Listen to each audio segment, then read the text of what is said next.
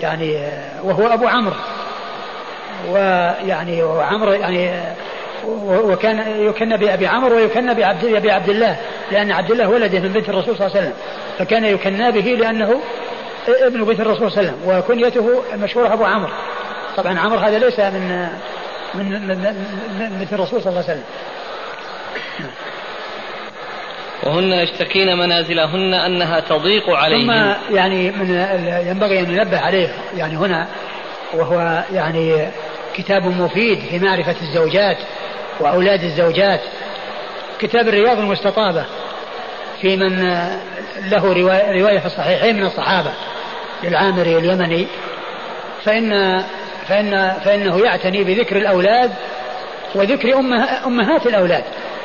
إذا كان رجل عنده عدة زوجات يعني يذكر أولاده ويذكر أولاد كل زوجة.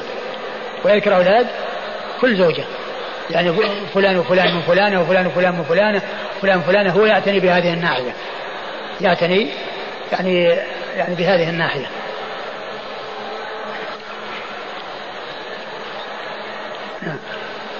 وهن يشتكين منازلهن أنها تضيق عليهن. تضيق عليهن يعني كأنها يعني مع ضيقها يعني أنها يعني يخرجن منها بعد وفاة آه، المورث.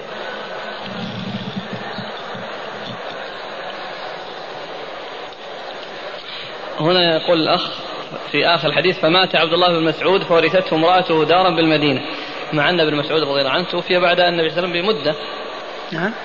عبد الله بن مسعود رضي الله عنه توفي سنة 32 فالفترة طويلة يعني بين هذا الكلام بين فتوى النبي صلى الله عليه وسلم أو حكمه إيه نعم. وبين هذه القصة. يقول ما الفائدة إذا من ذكر هذه؟ هو النتيجة كما قلنا يعني معناه يعني أن, أن, أن هذا يكون نصيبها من الميراث نصيبها من الميراث الدار. يعني ورثته صار نصيبها منه الدار وغيره له الأموال الأخرى وغيره له الأموال الأخرى. قال رحمه الله تعالى باب ما جاء يعني معناه أنه تنفيذ لهذا الذي جاء النبي صلى الله عليه وسلم. يعني هذا الذي حصل من جملة الأمثلة التطبيقية للشيء الذي أرشد إليه رسول الله صلى الله عليه وسلم. يعني هذا مثال يعتبر.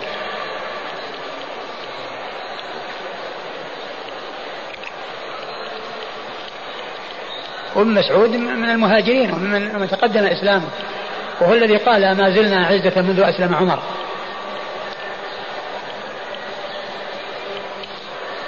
كتب الإخوان أنه ورد في السيرة والتاريخ أنه من زوجات عثمان رضي الله عنه امرأة اسمها نائلة. إيه وهذا يقول وقد قطعت أصابعها وهي تحمل السيف دفاعا وقطعت أصابعها وهي تحمل السيف دفاعا عن عثمان عندما قتل. يوم الدار إيه ما أدري لكن لكن كما قلت يعني يعني الكتاب الذي أشرت إليه هو له عناية بهذا الخصوص يذكر الأولاد وأمهات الأولاد هذا يرجو إعادة اسم الكتاب. الرياض المستطابة. في جملة من له رواية في الصحيحين من الصحابة. يعني يذكر الصحابة الذين لهم رواية في الصحيحين. ويترجم لهم ويأتي بترجمة يعني أحيانا تكون موسعة وأحيانا مختصرة ولكنه يعتني بهذه الناحية التي ذكرت. يعني يكون أولاد الرجل من هي أمهاتهم؟ فلان وفلان من فلانة وفلان وفلان من فلانة. وهكذا يعني له عناية في هذا الجانب.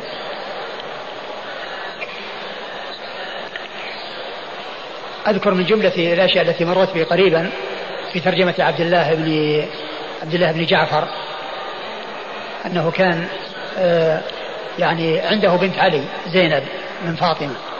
زينب بنت علي أمها فاطمة. ولعلي امرأة يقال لها ليلى كذا. فلما يعني مات عنها تزوجها عبد الله بن جعفر فجمع بين بنته وزوجته. وهي المسألة التي المشهورة كون الرجل يجمع بين بنت الرجل ومطلقته أو المتوفى عنها يعني التي هي ضرت ضرت أمها. فيجمع بين المرأتين يعني بنت الرجل ومطلقته أو المتوفى عنها. يعني التي هي ضرت أمها أو زوجة أبيها ضرت أمها. له أن يجمع بينهما. وهذا ذكر يعني في في الترجمة أن أنه أن عنده زينب بنت علي ولما مات علي ومن زوجاته فلانة وكان قد ذكر بعض أولادها قال تزوجها عبد الله بن جعفر فجمع بينها وبين بنته يعني بين زوجة علي وبنته. وهذه من القاعدة المشهورة مستثنات من القاعدة المشهورة سبق أن أشرت إليها في النكاح أنه لا يجمع بين المرأة وعمتها ولا بينها وبين خالتها وضابط ذلك أن كل امرأتين آه، لو قدر أن أحدهما ذكرا لم يجوز له أن يتزوج لم يكن له يتزوج من, من, من, من المرأة أو من, من الأنثى. فهذه تستثنى هذه الصورة تستثنى. لأن لو كان أحدهما ذكرا ما يتزوج ولكنها مستثنات من هذه القاعدة. ولكن المناسبة أن أن هذا مثال لتلك القاعدة. هذا الذي حصل من عبد الله بن جعفر هو من أمثلة تلك القاعدة. يعني زوجة لعلي اسمها ليلى تزوجها عبد الله بن جعفر مع بنت علي زينب من فاطمة. نعم.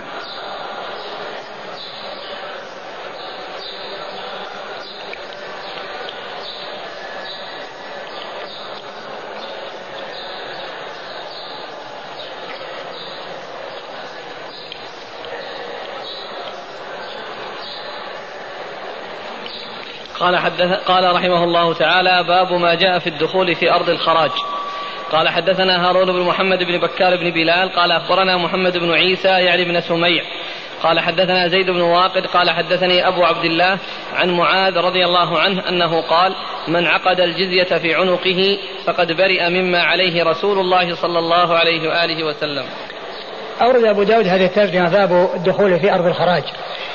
وأرض الخراج هي الأرض التي آه يعني آه آه اصطلح المسلمون مع الكفار على أن تبقى أراضيهم بأيديهم وهي ملك لهم ويعطون عليها خراجا للمسلمين. فهي مثل الجزية. وهي وهي مثل هي, هي من قبيل الجزية. إلا أنها على الأراضي والجزية على على الرؤوس وعلى الأشخاص. كما مر بنا في الحديث عن كل حال دينار عن كل محتل دينار على الشخص. وهذه تعتبر مثل الجزية إلا أنها على المال. يعني فاصطلحوا على أن تبقى أموالهم في آه، أيديهم ويدفعون منها خراجا. أو أن المسلمون يعني يستولون عليها ويبقونها بأيديهم وما يحصل آه، مثل ما حصل لليهود في خيبر نصف للمسلمين ونصف لليهود في مقابل عملهم فيكون هذا النصف الذي يعني حصل للمسلمين قال خراج لأنه يعني حصل يعني من من من, من الأرض التي استولى عليها المسلمون و و وصار يعني لهم النصف ولهؤلاء النصف. وإن بقيت الأراضي أو اصطلحوا على أن تبقى ملكهم في أيديهم ولكنهم يدفعون خراجا معينا فيكون هو من جنس من جنس حكمه حكم الجزية. والجزية مثل الفي وهي كلها من قبيل الفي تصرف في المصالح العامة التي يراها الإمام. آه وهناك مؤلفات في الخراج. يعني هناك مؤلفات في الخراج خاصة فيه كتاب ثلاثة كتب. يعني لثلاثة من العلماء وقد طبعت كلها في مجلد واحد وهي باسم الخراج. كتاب الخراج لأبي يوسف صاحب أبي حنيفة وكتاب الخراج ليحيى بن آدم الذي يأتي ذكره في الأحاديث يعني من طبق الشيوخ شيوخ أبي داود وكتاب الاستخراج في أحكام الخراج لابن رجب الحنبلي. وهذه الثلاثة طبعت في مجلد واحد كلها طبعت مع بعض فصارت يعني كالموسوعة في الخراج لأنها عدة مؤلفات لأشخاص متعددين وفي أزمان مختلفة وقد جمعت مع بعض وطبعت وهي تتحدث وهناك كتب أخرى تتحدث عن عن ذلك مثل كتاب الأموال لأبي عبيد القاسم بن سلام. كتاب الأموال. لكن الذي باسم الخراج هي هذه الكتب الثلاثة التي أشرت إليها وهي مطبوعة باسم كتاب الخراج وتحتها الخراج لفلان والخراج لفلان والاستخراج في أحكام الخراج لابن رجب. آه، أورد أبو داود آه، هذا آه، هذا الحديث عن عن معاذ بن جبل رضي الله عنه. أن النبي صلى الله عليه وسلم قال قال معاذ من؟ من عقد الجزية في عنقه. من عقد الجزية في عنقه فقد برئ مما عليه نعم رسول الله صلى الله عليه وسلم. مما عليه رسول الله صلى الله عليه وسلم.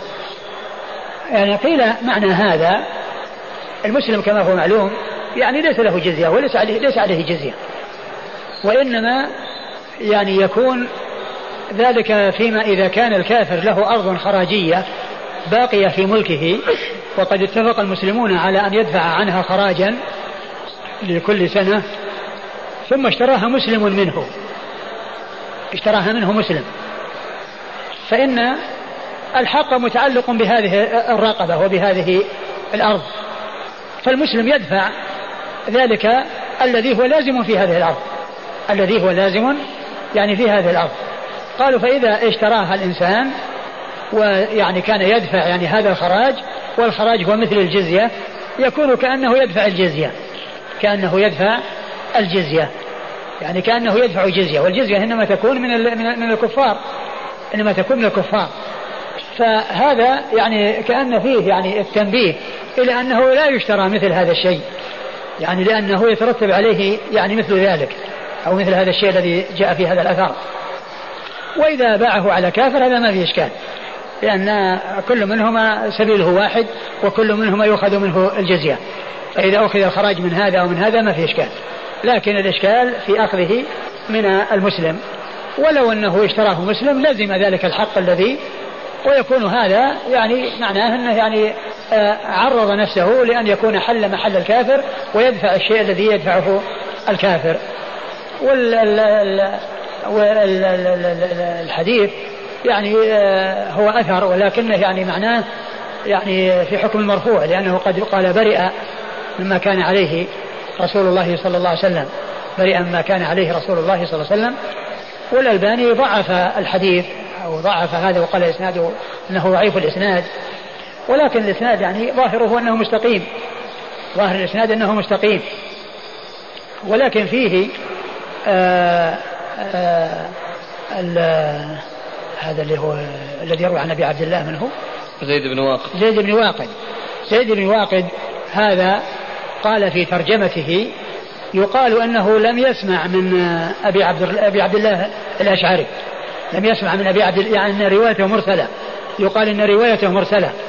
لكن هنا فيه التحديث هنا فيه التحديث قال حدثني أبو عبد الله. وهذا يفيد الاتصال. فلا أدري يعني هل يعني هذا يعني آه، فيه ما يدل على أنه سمع منه أو أن هذا خطأ. الذي هنا خطأ ويكون ما ذكر أن روايته مرسلة ويكون ذكر حدثنا في هذا الموطن أنه خطأ. وهذا يعني في النسخ المطبوعة يعني طبعة عون المعبود وطبعة السنن هنا كلها فيها حدثنا أبو عبد الله. يعني يفيد الاتصال وأنه لا لا إرسال ولا انقطاع. لا إرسال ولا انقطاع. اللهم إلا أن يكون ذكر حدثنا هنا خطأ وأنها جاءت في الطبع خطأ. ويعني وهذا يعني يتوقف على معرفة النسخ الخطية. وهل فيها حدثنا أو فيها عن أو فيها قال التي يعني يعني يكون معها الإرسال ويكون معها الانقطاع. وأما كلمة حدثنا فهي واضحة في الاتصال.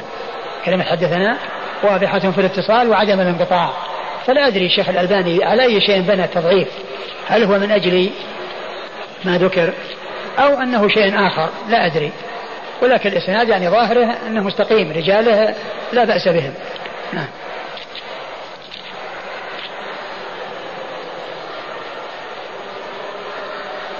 من هو أبو عبد الله؟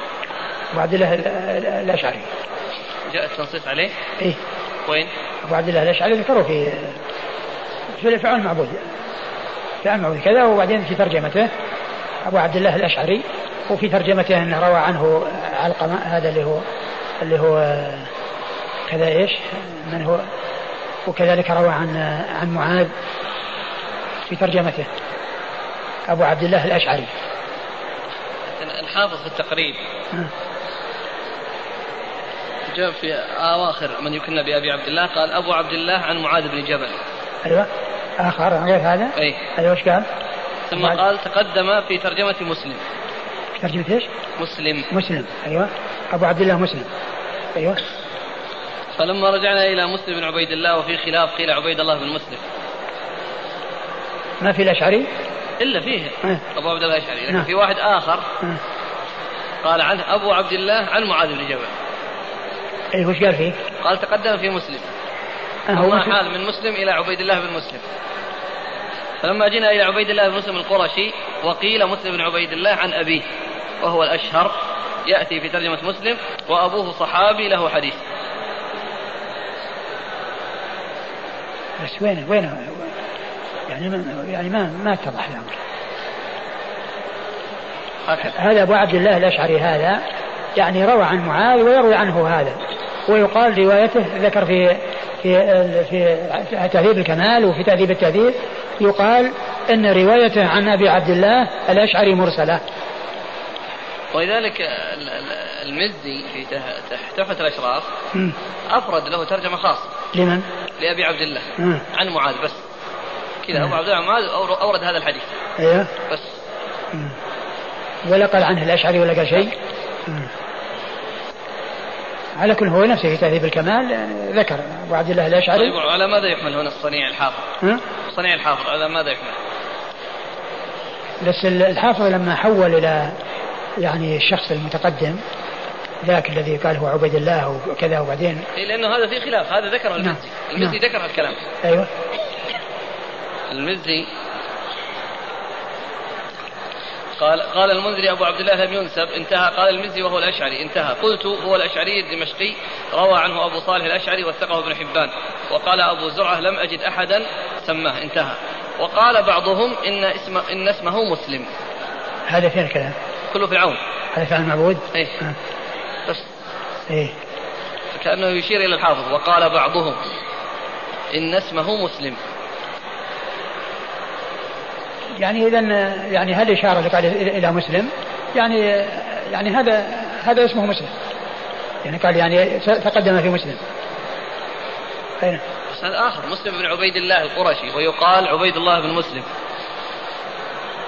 ولا ولا قال في الأشعري؟ لا القرشي. لا, لا يكون في واحد ثاني أيضا. اي في أبو عبد الله لا, لا, لا يكون في مسلم هناك يعني واحد ثاني آه. اللي هو الأشعري هذا. غير ذاك. آه. يعني هذا يعني فيه الرقم يعني يعطي رقم هو هذا معطينا الرقم رجع نفس الرقم؟ نفس الرقم نفس الرقم؟ إيه لا يكون لا يكون غيره يعني. يعني هذا يعني اللهم الا كان كان اسمه واسم أبيه يعني مسلم بن عبيد الله يعني يعني عرف اسمه واسم أبيه أيضا. هو فيه قلب قيل مسلم بن عبيد الله وقيل عبيد الله بن مسلم. ولذلك يقول الحافظ وهو الأشهر أنه مسلم ابن عبيد الله. على كل هو في تهذيب الكمال ذكر انه انه ابو عبد الله الأشعري روى عن معاذ وروى عنه وروايه وروى عنه فلان وروايته ويقال روايته عنه مرسلة. الحاصل أن قول الألباني ضعيف الإسناد ما أدري يعني وش وجهه يعني وهذا هو الذي وجدته يعني فيه ثم أيضا أبو عبد الله من الطبقة الثانية اللي هم كبار كبار التابعين. ويعني ذاك من السادسة. الذين هم كبار أتباع التابعين. كبار أتباع التابعين. الذي هو هذا اللي هو زيد بن واقد زيد بن واقد يعني من الطبقة السادسة. يعني طبقة يعني الخامسة هم الذين صغار التابعين الذين أدركوا صغار الصحابة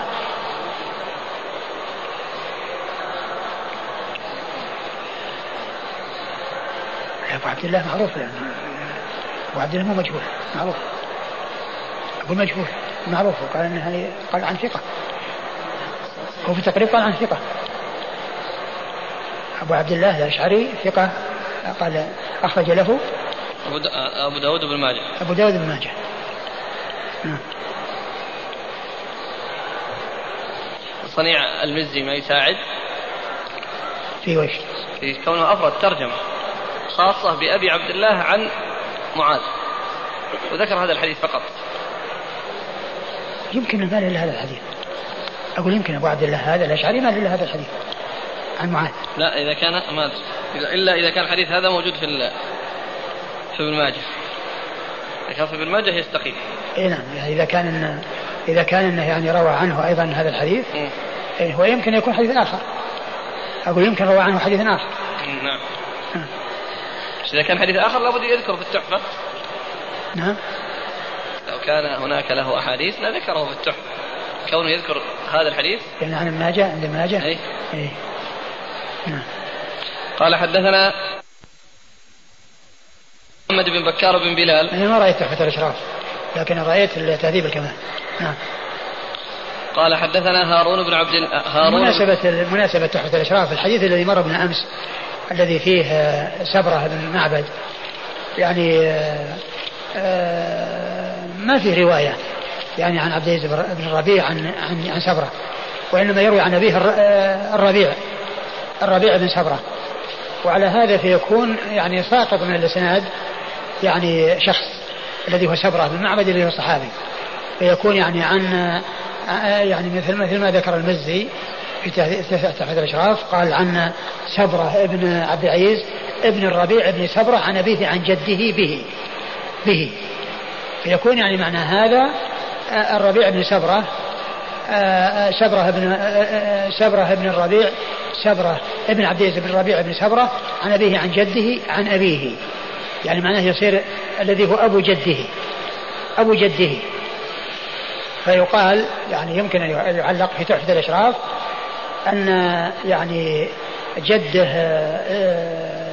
جده الربيع يروي عن أبيه سبرة فيكون الصحابي سبرة لأن الربيع تابعي وليس بصحابي. يعني معناه أنه يضاف إليه يقال صحابي الحديث هو سبرة ابن معبد كما في تحفة الأشراف.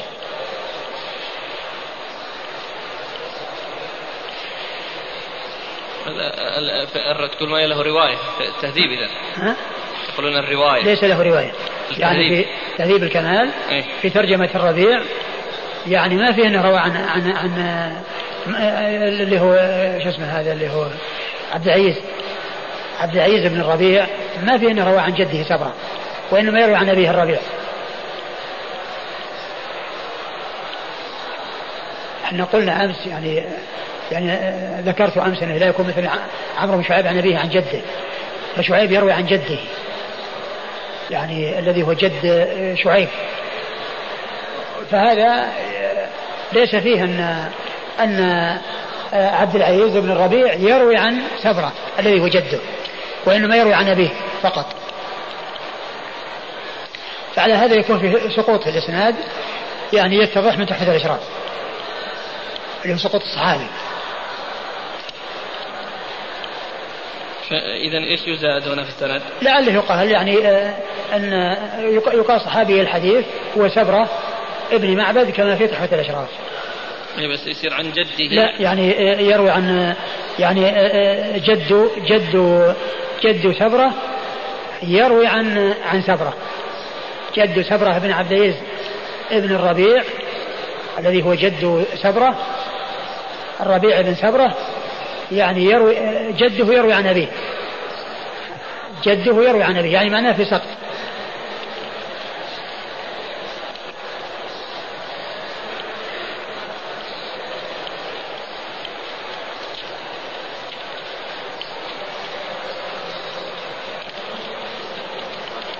لا سقط صبرة. صبرة بن معبد اللي هو الصحابي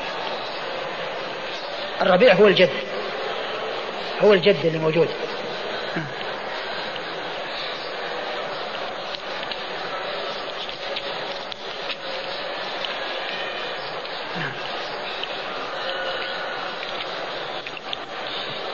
قال حدثنا هارون بن محمد بن بكار بن بلال مش قال صدوق خرج أبو داود النسائي. صدوق خرج أبو داود النسائي. عن محمد بن عيسى يعني بن سميع. محمد بن عيسى يعني بن سميع وهو صدوق يخطئ خرج أبو داود النسائي بن ماجه. صدوق يخطئ أبو داود النسائي بن ماجه.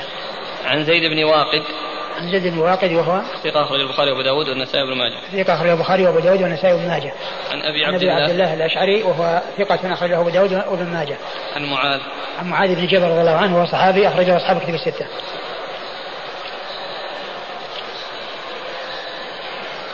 قال حدثنا حيوه بن شريح الحضرمي قال حدثنا بقية قال حدثنا عمارة بن أبي الشعثاء قال حدثني سنان بن قيس قال حدثني شبيب بن, بن نعيم قال حدثني يزيد بن خمير قال حدثني أبو الدرداء رضي الله عنه أنه قال قال رسول الله صلى الله عليه وآله وسلم من أخذ أرضا بجزيتها فقد استقال هجرته ومن نزع صغار كافر من عنقه فجعله في عنقه فقد ولى الإسلام ظهره. قال فسمع مني خالد بن معدان هذا الحديث فقال لي أشبيب حدثك؟ قلت نعم. قال فإذا قدمت فسله فليكتب إلي بالحديث. قال فكتبه له. فلما قدمت سألني خالد بن معدان القرطاس فأعطيته. فلما قرأه ترك ما في يده من الأراضين حين سمع ذلك.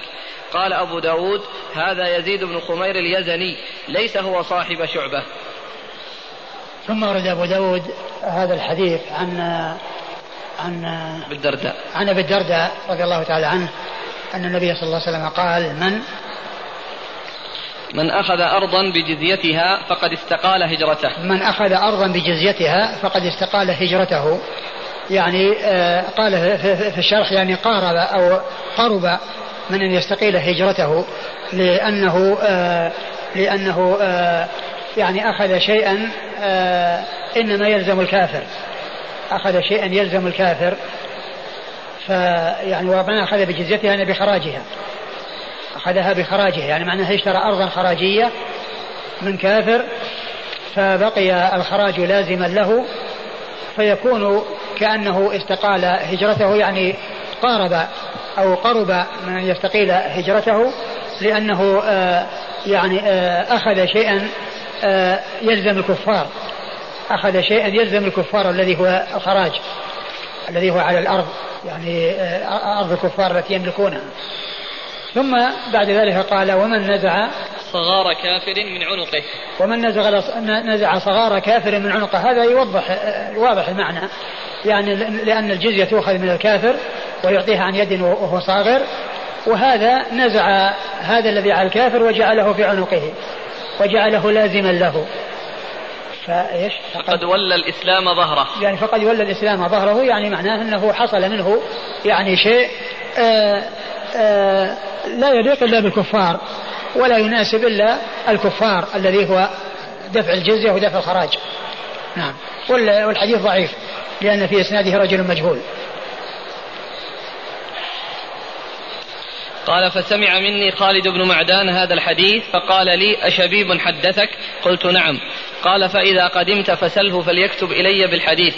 قال فكتبه له. فلما قدمت سألني خالد بن معدان القرطاس فأعطيته فلما قرأه ترك ما في يده من الأراضين حين سمع ذلك. يعني أنه عنده أراضي من هذا القبيل ومن هذا النوع ولما سمع هذا الحديث من من هو الذي يروي عن شبيب؟ سنان بن قيس. سنان بن قيس لما سمع منه أراد أن يتحقق. قال حدثك يعني شبيب بهذا الحديث؟ قال نعم قال إذا لقيته فيعني فليكتب إلي بالحديث يعني يريد أن يتحقق. فلقيه فكتب له ولما جاء وأخذ منه القرطاس يعني الكتاب الذي فيه كتاب شبيب فتحقق من ذلك فترك ما في يده فترك ما في يده يعني من هذا هذا الشيء الذي فيه خراج. نعم.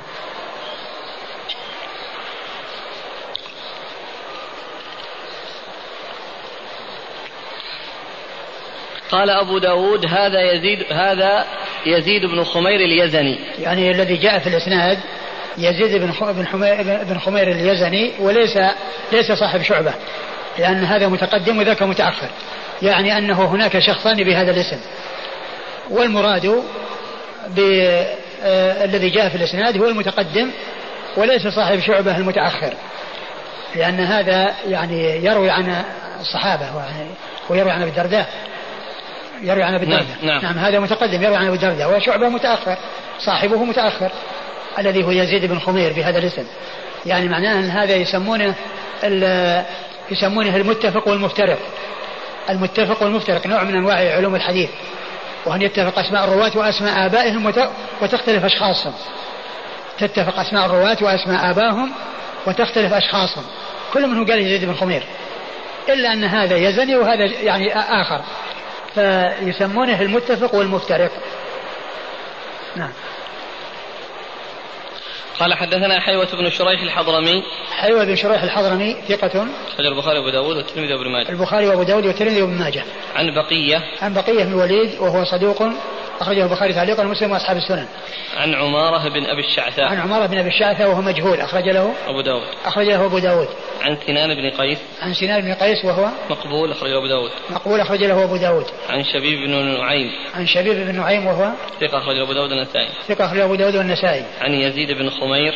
عن يزيد بن خمير وهو ثقة أخرجه أبو داود. ثقة أخرجه أبو داود. عن أبي الدرداء. عن أبي الدرداء عويمر رضي الله تعالى عنه صاحب رسول الله صلى الله عليه وسلم وحديثه أخرجه أصحاب كتب الستة. يجوز شراء الأرض الخراجية مع هذا ال... والله أصلا يعني ما ثبت هذا. اللهم إلا ذاك الذي اثر معاذ. الأثر هذا ما أدري هو يثبت أو انه أو إنه مثل ما قال الألباني إنه ضعيف.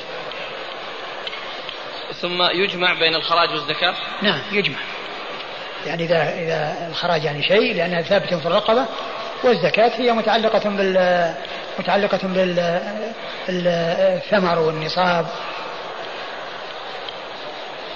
قال رحمه الله تعالى باب في الأرض يحميها الإمام أو الرجل.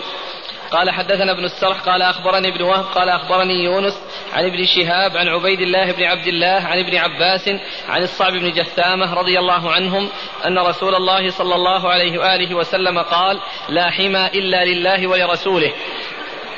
ثم ورد أبو داود باب في باب في الأرض يحميها الإمام أو الرجل. نعم. باب في الأرض يحميها الإمام أو الرجل. المقصود بالحماية يعني كونها يعني تكون ذات مكان خصب وفيها عشب فتحمى بحيث لا يأتي الناس إليها لا يأتي الناس إليها وكل من أراد أن يأتي إليها يعني يأتي بغنمه وإبله إليها وإنما تحمى. وكان الرسول صلى الله عليه وسلم يحمي لإبل الصدقة ويحمي ل... يعني. لأموال يعني ال... يعني ال... الأشياء العامة. ويعني فذلك سائغ وأما سائر الناس يعني فليس لهم أن يختصوا بشيء. يعني بل شأنه بل الناس سواء في ذلك الناس سواء في ذلك. يعني لا يحمي أحد إلا الإمام أو من يقوم مقام الإمام. وهذا قال لا حماء إلا الله ورسوله يعني هو الذي يحصل يعني منه الحماء وهو إنما يحمي لمصالح المصلحه العامة مثل إبل الصدقة وخيل الجهاد في سبيل الله وغير ذلك. نعم. قال حدثنا ابن السرح. ابن السرح عمرو عمرو أحمد بن عمرو بن السرح وهو صديق وهو ثقة أخرجه مسلم وأبو داود وابن ماجه. النسائي. والنسائي وابن ماجه. عن ابن وهب. عن وهب عبد الله بن وهب ثقة أخرجه أصحاب كتب الستة. عن يونس. عن يونس بن يزيد الأيلي ثقة أخرجه أصحاب كتب الستة. عن ابن شهاب. عن شهاب محمد بن مسلم بن عبيد الله بن شهاب ثقة أخرجه أصحاب كتب الستة. عن عبيد الله بن عبد الله. عبيد الله بن عبد الله بن عتبة بن مسعود أحد فقهاء المدينة السبعة. في عصر التابعين ثقة أخرجه أصحاب الكتب الستة. عن ابن عباس. عن ابن عباس عبد الله بن عباس بن عبد المطلب ابن عم النبي صلى الله عليه وسلم وأحد العبادة الأربعة من الصحابة وأحد السبعة المعروفين في كثرة الحديث عن النبي صلى الله عليه وسلم. عن الصعب بن جثامة. عن الصعب بن جثامة الليثي رضي الله عنه وهو صحابي أخرجه أصحاب الكتب الستة. قال ابن شهاب وبلغني أن رسول الله صلى الله عليه وآله وسلم حمى النقيع قال ابن شهاب وبلغني وهذا مرسل أن النبي حمى, حمى النقيع يعني مكان. يعني أرض يقال لها النقيع. نعم. قال حدثنا سعيد بن منصور قال حدثنا عبد العزيز بن محمد عن عبد الرحمن بن الحارث عن ابن شهاب عن عبيد الله بن عبد الله عن عبد الله بن عباس عن الصائب بن جثامة رضي الله عنهم أن النبي صلى الله عليه وآله وسلم حمى النقيع وقال لا حمى إلا لله عز وجل يعني وهذا الذي تقدم عن عن الزهري انه قال بلغني أنه حمى النقيع يعني ذكر الحديث يعني الذي فيه الإسناد الذي يبين وفيه الاتصال يعني لذلك الذي الذي هو مرسل يعني أو يعني أو معضل يعني وبينه بالذي بعده بالإسناد الذي بعده أن النبي حمى النقيع وقال لا حماء إلا لله ورسوله صلى الله عليه وسلم. نعم. النقيع نقيع مكان. مكان قطعة من الأرض ومكان من الأرض يعني يعني فيه عشب ومرعى. نعم. قال حدثنا سعيد بن منصور سعيد بن منصور ثقة أخرجه أصحاب الكتب الستة. عن عبد العزيز بن محمد. عبد بن محمد الدراوردي صدوق أخرجه أصحاب الكتب الستة. عن عبد الرحمن بن الحارث. عبد الرحمن الحارث وهو صدوق له أوهام أخرج البخاري في المفرد وأصحاب السنن. صدوق له أوهام أخرجه البخاري في المفرد وأصحاب السنن. عن ابن شهاب عن عبيد الله بن عبد الله عن عبد الله بن عباس عن الصعب بن جثامة. وقد مر ذكرهم. قال رحمه الله تعالى باب ما جاء في الركاء في الركاز وما فيه والله تعالى أعلم وصلى الله وسلم وبارك على عبده ورسوله نبينا محمد وعلى آله وأصحابه أجمعين. جزاكم الله خيرا وبارك الله فيكم ونفعنا الله بما قلتم. أخونا يقول حديث الربيع بن سبرة رواه البيهقي في السنة الكبرى الجزء السادس 149 من طريق أبي داود بنفس السياق. اللي هو اللي عندنا في النسخة عن جده. ما في عن أن الرسول صلى الله عليه وسلم قال بس. إيه في السنة الكبرى؟ إي نعم الجزء السادس 149 يعني جده هو هذا الذي هو الذي هو الربيع. الذي هو الربيع. ولكن الربيع من الطبقة الثالثة. وهو تابعي ثقة. يكون مرسل. أقول لو كان هذا المقصود يكون مرسل ليس ليس متصل. ولكن آه، الذي في تحت الإشراف كما قلت جعله مسند سبرة بن معبد الذي هو أبو الجد أبو جده. يعني معناه أنه يكون مرسل. يعني إذا كان هذا عند البيهقي فيصير مرسل. أما عند أبي داود فهو لا من نفس الطريق. البيهقي. نعم لكن عند أبي داود نفس الطريق. عند المزي عن عند أبي داود وفيه عن سبرة بن معبد. يعني ترى النسخة متوافقة يعني. ها؟ يعني ترى النسخة اللي عندنا ما فيها سقط بدلالة أن سنن البيهقي روى الحديث بنفس السياق. إيه. ونفس الإسناد إيه. وقال عن جد. إيه بس الآن اللي هو المزي يعني نسخته التي بنى عليها فيها سبعة ابن معبد اللي هو الصحابي. يكون بذلك متصلا. وأما لو كان على هذا يكون مرسلا. له لعل الله ييسر. نرجع إلى ترجمة سبرة في تهذيب الكمال. وفيها إيه؟ أيوه. وش فيها يعني؟ من روى عنه لأنه العادة إذا كان هو من المقلين يذكر رواية. فإن كان يقول يعني روى عنه الربيع أو يقول هذا الحديث روى عنه عبد العزيز. يمكن يمكن. هل ثبت في السنة أن القول بعد صلاة المغرب اللهم أجرني من النار سبع مرات؟ والله الذي أذكر أنه فيه ضعف. وكذلك اللهم إني أسألك رضاك والجنة ثماني مرات؟ والله ما أعرف ما أعرف في هذا الحديث.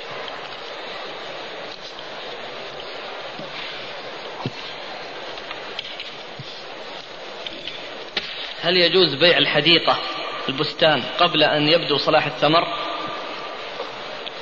إذا كان المقصود يعني بيع الأرض يعني بيع الأرض يعني ما فيها يجوز لكن إذا كان بيع الثمرة الثمرة لا تباع إلا إذا بدا الصلاح.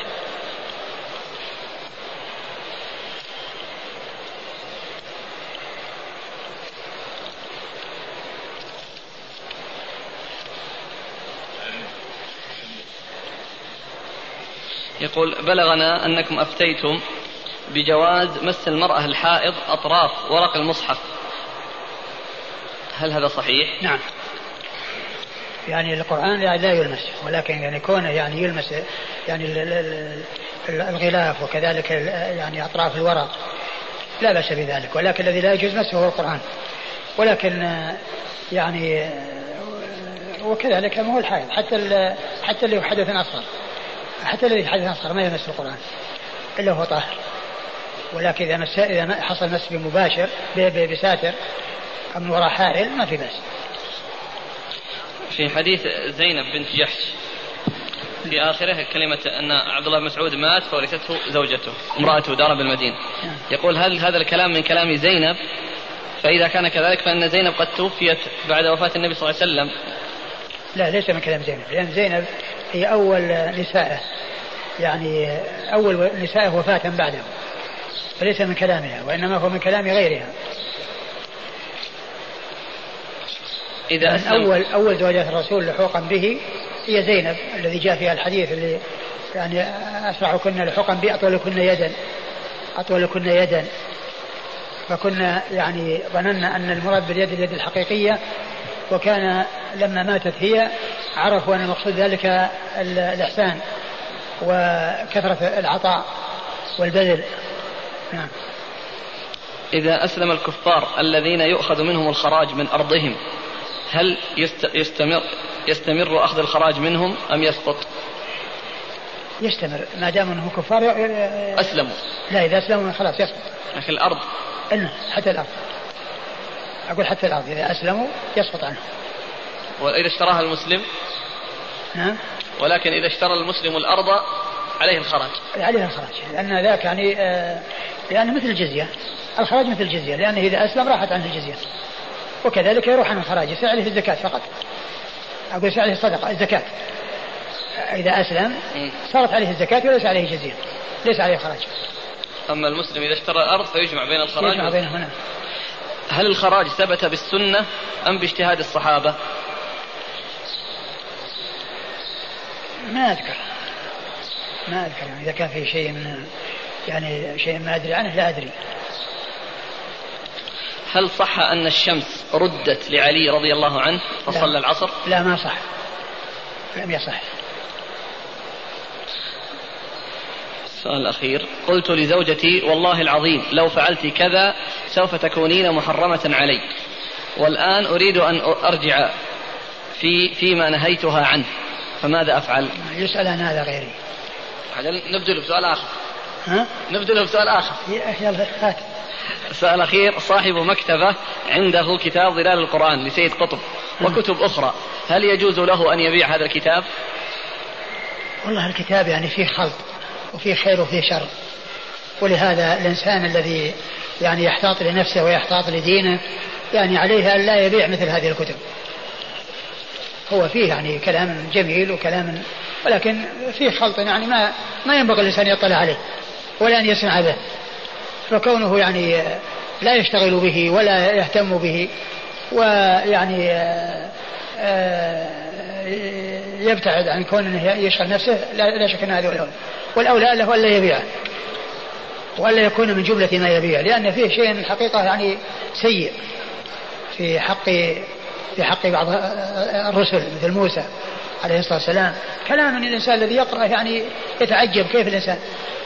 وبهذا يتضح له أنه كاتب وليس بعالم. الإنسان إذا قرأ مثل كلامه يعتبر يقول من الكتاب وليس من العلماء. الكتاب اللي يكتبون ينشون يحرك قلمه ويأتي بكل ما هب ودب جزاكم الله خير. وبارك الله فيك. بسم الله الرحمن الرحيم. الحمد لله رب العالمين والصلاة والسلام على عبد الله ورسوله نبينا محمد وعلى آله وصحبه أجمعين أما بعد. قال الإمام أبو داود السجستاني يرحمه الله تعالى باب ما جاء في الركاز وما فيه قال حدثنا مسدد قال حدثنا سفيان عن الزهري عن سعيد بن المسيب وأبي سلمة سمع أنهما سمع أبا هريرة رضي الله عنه يحدث أن النبي صلى الله عليه وآله وسلم قال في الركاز الخمس. بسم الله الرحمن الرحيم. الحمد لله رب العالمين وصلى الله وسلم وبارك على عبده ورسوله نبينا محمد وعلى آله وأصحابه أجمعين أما بعد. فيقول الإمام أبو داود السجستاني رحمه الله تعالى باب في الركاز وما فيه. الركاز هو الذي يوجد مدفونا في الأرض من آه، مما ترك في الجاهلية فإنه يكون فيه الخمس كما جاء ذلك عن رسول الله صلى الله عليه وسلم لأنه لم يتعب عليه ولم يتكلف في إخراجه وفي الحصول عليه وإنما عثر عليه ولكنه كان يعني من يعني أمور قديمة في الجاهلية وإذا كان ليس كذلك فإنه يعتبر من اللقطة. إذا كان في أرض مسلم أو في مكان مسلمين فإنه يعتبر لقطة.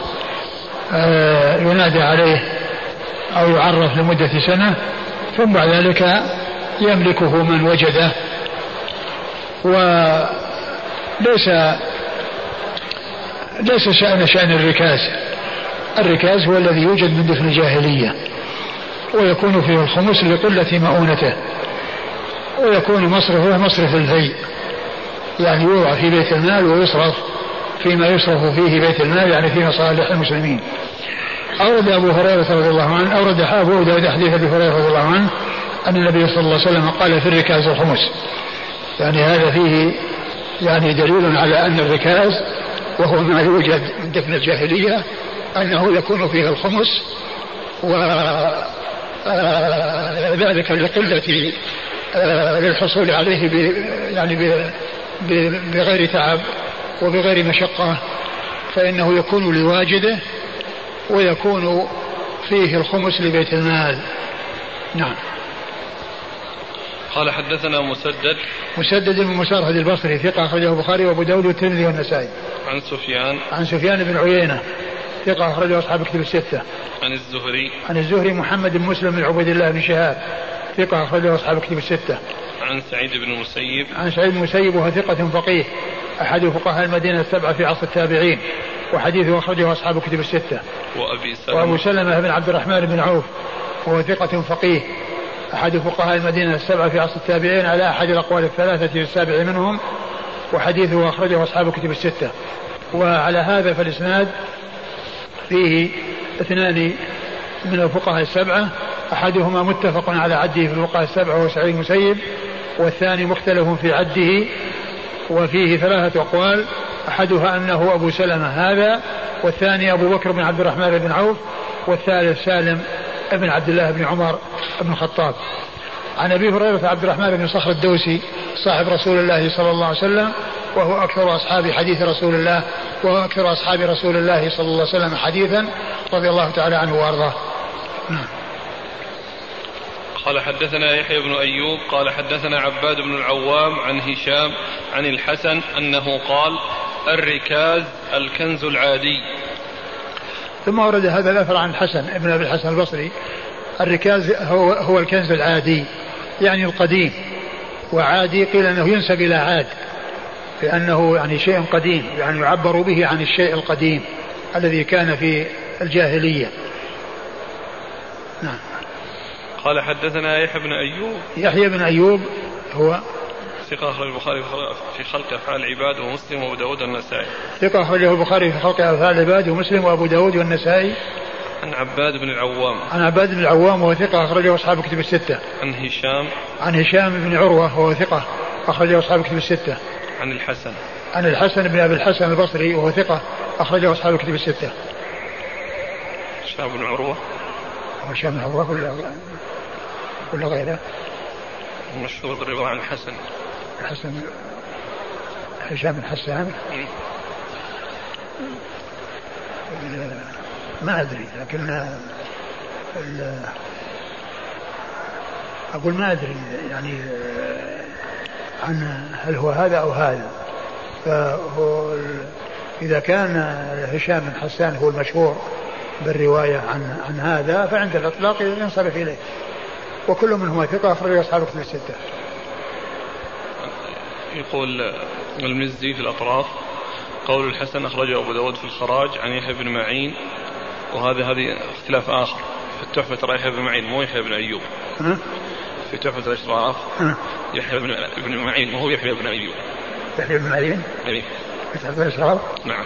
مو بيحيى بن أيوب؟ لا وهذا النقل كذلك. أنا راجعته وهذا النقل يؤكد ذلك في عون المعبود وقال المزي في الأطراف. قول الحسن أخرجه أبو داود في الخراج. عن يحيى بن معين عن عباد بن العوام عن هشام بن حسان القردوسي. عن هشام بن حسان؟ يعني وهو في نعم. رواية ابن دراسة طيب. يعني إذا هو هشام بن حسان. وهناك يحيى بن معين؟ نعم. يحيى بن معين ثقة أخرجه أصحاب كتب الستة. وعلى كل هذا أثر يعني آه، يقال له مقطوع ينتهي إلى الحسن وهو تفسير للركاز. نعم. نعم إذا كان يعني يحيى بن معين فيحيى بن أيوب كان خطأ.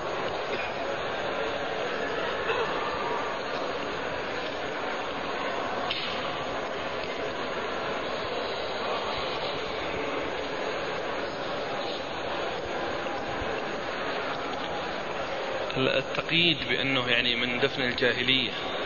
يعني قد يجي الإنسان دفن الآن مثلا من يعني قرابة مئة سنة. يعني ما يصل إلى عهد الجاهلية لا هذا هذا أقول هذا إذا كان في بلاد المسلمين وفي أماكن المسلمين فهو من قبيل من قبيل اللقطة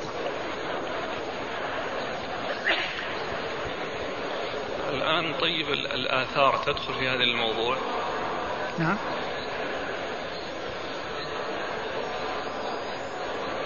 شيخ؟ هو كما هو معلوم هذا المقصود الكنز المقصود الكنز يعني آه، آه، يستفاد منه فيكون خمسة لبيت المال.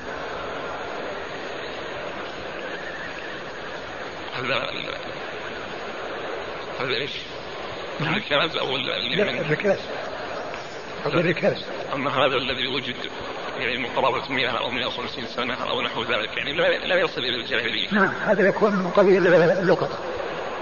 هذا يقال لقطة يعرض يعني إذا كان في مكان يعني في مكان معروف يعني في قد يكون في بيت يعني انهدم أو هدم وهو يعني قد يكون صاحب معروف وإن تعاقب عليه الناس فهو يعرفه وإذا إذا جاء من يصف له آه، الهيئة التي يكون عليها يعطيه إياه وإلا فإنه يملكه.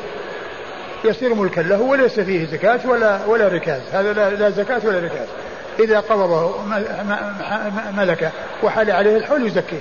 وإن أكله قبل أن يحول الحول ما في شيء.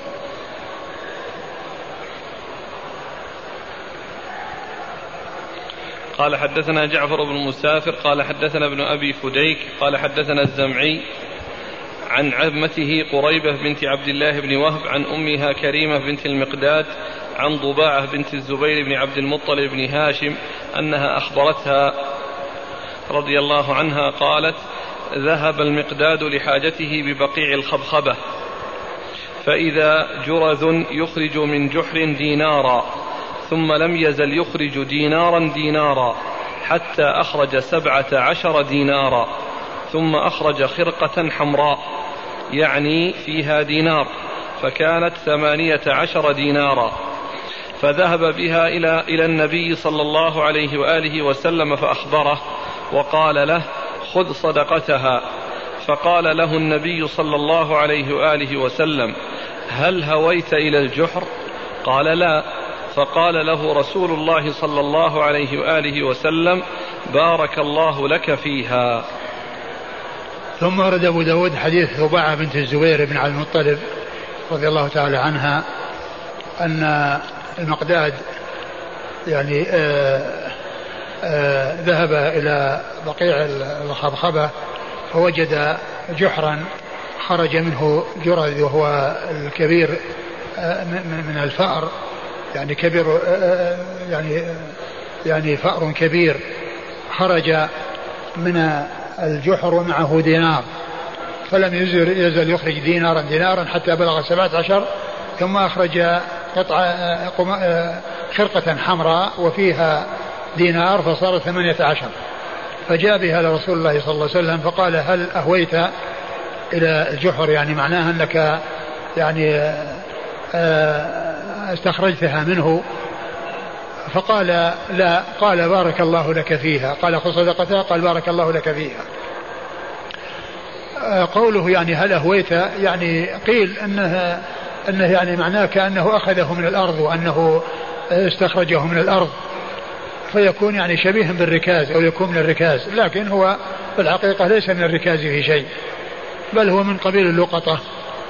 وقوله صل وقوله صلى الله عليه وسلم بارك الله لك فيها لا يعني أنه ملكها في الحال وإنما يعرفها ثم أيضا كونها فيها معها خرقة حمراء يعني يدل على حداثة عهدها وأنها ليست قديمة وذلك لأنها لو كانت قديمة لا تلفت هذه الخرقة وأكلتها الأرض ولكن كونها يعني آه، آه، الخرقة موجودة يعني يفيد يعني حداثة عهدها.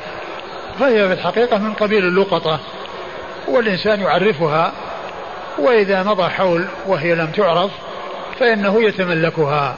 هذا هذا هو يعني آه، شأنها. والحديث آه، في إسناده ضعف. يعني فهو غير ثابت ولكن معناه إذا صح هو محمول على اللقطة. وهو من قبيل اللقطة وليس من قبيل الركاز. نعم. قال حدثنا جعفر بن مسافر. جعفر بن مسافر هو صدوق ربما أخطأ أخرجه أبو داود النسائي بن ماجه. صدوق ربما أخطأ أخرجه أبو داود النسائي. وابن ماجه. نعم أبو داود النسائي بن ماجه؟ نعم. أبو داود النسائي بن ماجه. عن ابن أبي فديك. عن ابن أبي فديك وهو محمد بن إبراهيم إسماعيل. وهو محمد بن إسماعيل بن مسلم. بن أبي فديك صدوق أخرج له أصحاب كتب الستة. عن الزمعي. عن الزمعي وهو موسى بن يعقوب. صدوق وهو, وهو موسى بن يعقوب صدوق سيء الحفظ. نعم. أخرجه البخاري في المفرد وأصحاب السنن. أخرجه البخاري في المفرد وأصحاب السنن. عن عمته قريبة بنت عبد الله بن وهب. عن عمته قريبة بنت عبد الله نعم بن وهب. بن وهب. مقبولة أخرج لها أبو داود وهي مقبولة أخرج لها أبو داود وابن ماجه. وابن ماجه. عن أمها كريمة بنت المقداد. عن أمها كريمة بنت المقداد وهي ثقة أخرج لها أبو داود وابن ماجه. وهي ثقة أخرج لها أبو داود وابن ماجه. عن ضباعة بنت الزبير الصحابية رضي الله عنها وحديثها أخرجه أبو داود والنسائي وابن ماجه. أبو داود والنسائي وابن ماجه. والحديث في إسناده من هو صدوق سيء الحفظ ومن هو أيضا ومن هي مقبولة. ولو صح فإنه محمول على اللقطة ولا علاقة له في الركاز.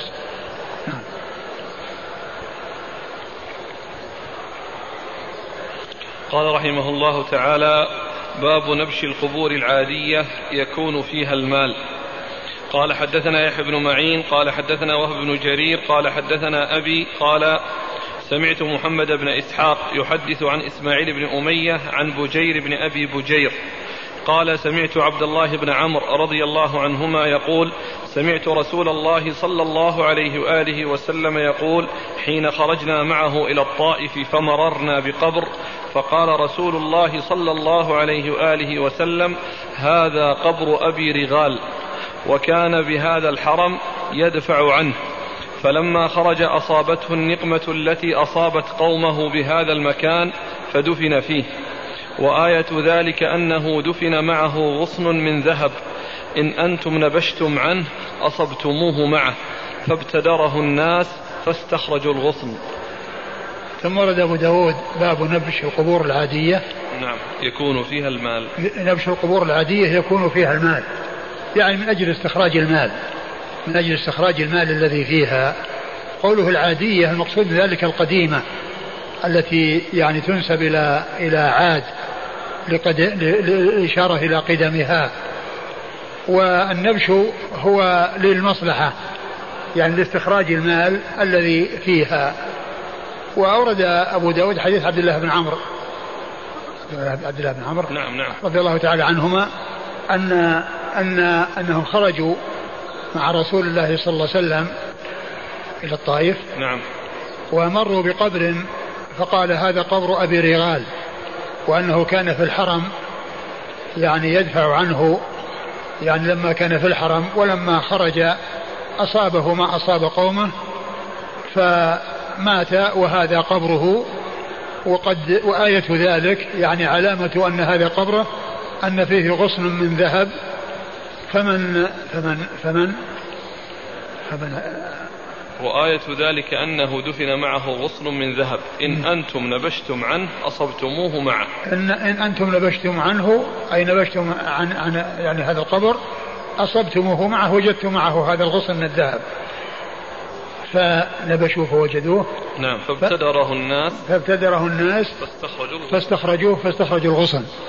قال هذا يعني يدل على أن القبر يجوز نبشه يعني إذا كان يعني هناك يعني مصلحة من نبشه ولكن الحديث ضعيف لم يثبت لأن فيه من من فيه ضعف فهو غير ثابت ولكن النبش للمصلحة يعني سائر إذا كان هناك مصلحة في النبش فإن ذلك سائر بل قبر المسلم لو أنه فقد أو أنه يعني آه، سقط فيه يعني مال فإنه يجوز نفسه لاستخراج المال الذي سقط فيه لأن إضاعة المال لا تجوز واستفادة منه يعني مطلوبة.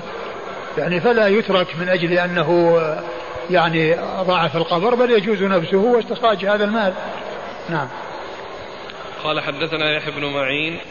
يحيى بن معين ثقة أخرجه أصحاب كتب الستة. عن؟ وهب بن جرير. وهب بن جرير بن حازم ثقة أخرجه أصحاب كتب الستة. عن أبيه عن أبيه هو ثقة أخرجه أصحاب كتب الستة. عن محمد بن إسحاق. عن محمد بن إسحاق المدني صدوق أخرجه البخاري تعليقا ومسلم وأصحاب السنن. عن إسماعيل بن أمية.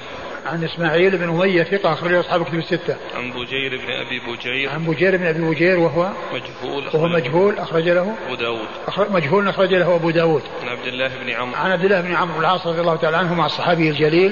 أحد العبادلة الأربعة من أصحاب النبي صلى الله عليه وسلم و وحديثه أخرجه أصحاب كتب الستة. ففيه هذا الرجل مجهول الذي هو بجير بن أبي بجير فهو سبب ضعف الحديث.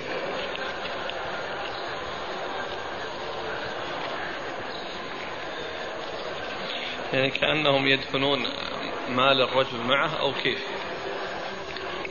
والله ما ما ندري. يمكن يعني في الغالب إنه يعني إذا كان انه صح قال معه غصن من ذهب يعني إنه مدفون معه أنه مدفون معه.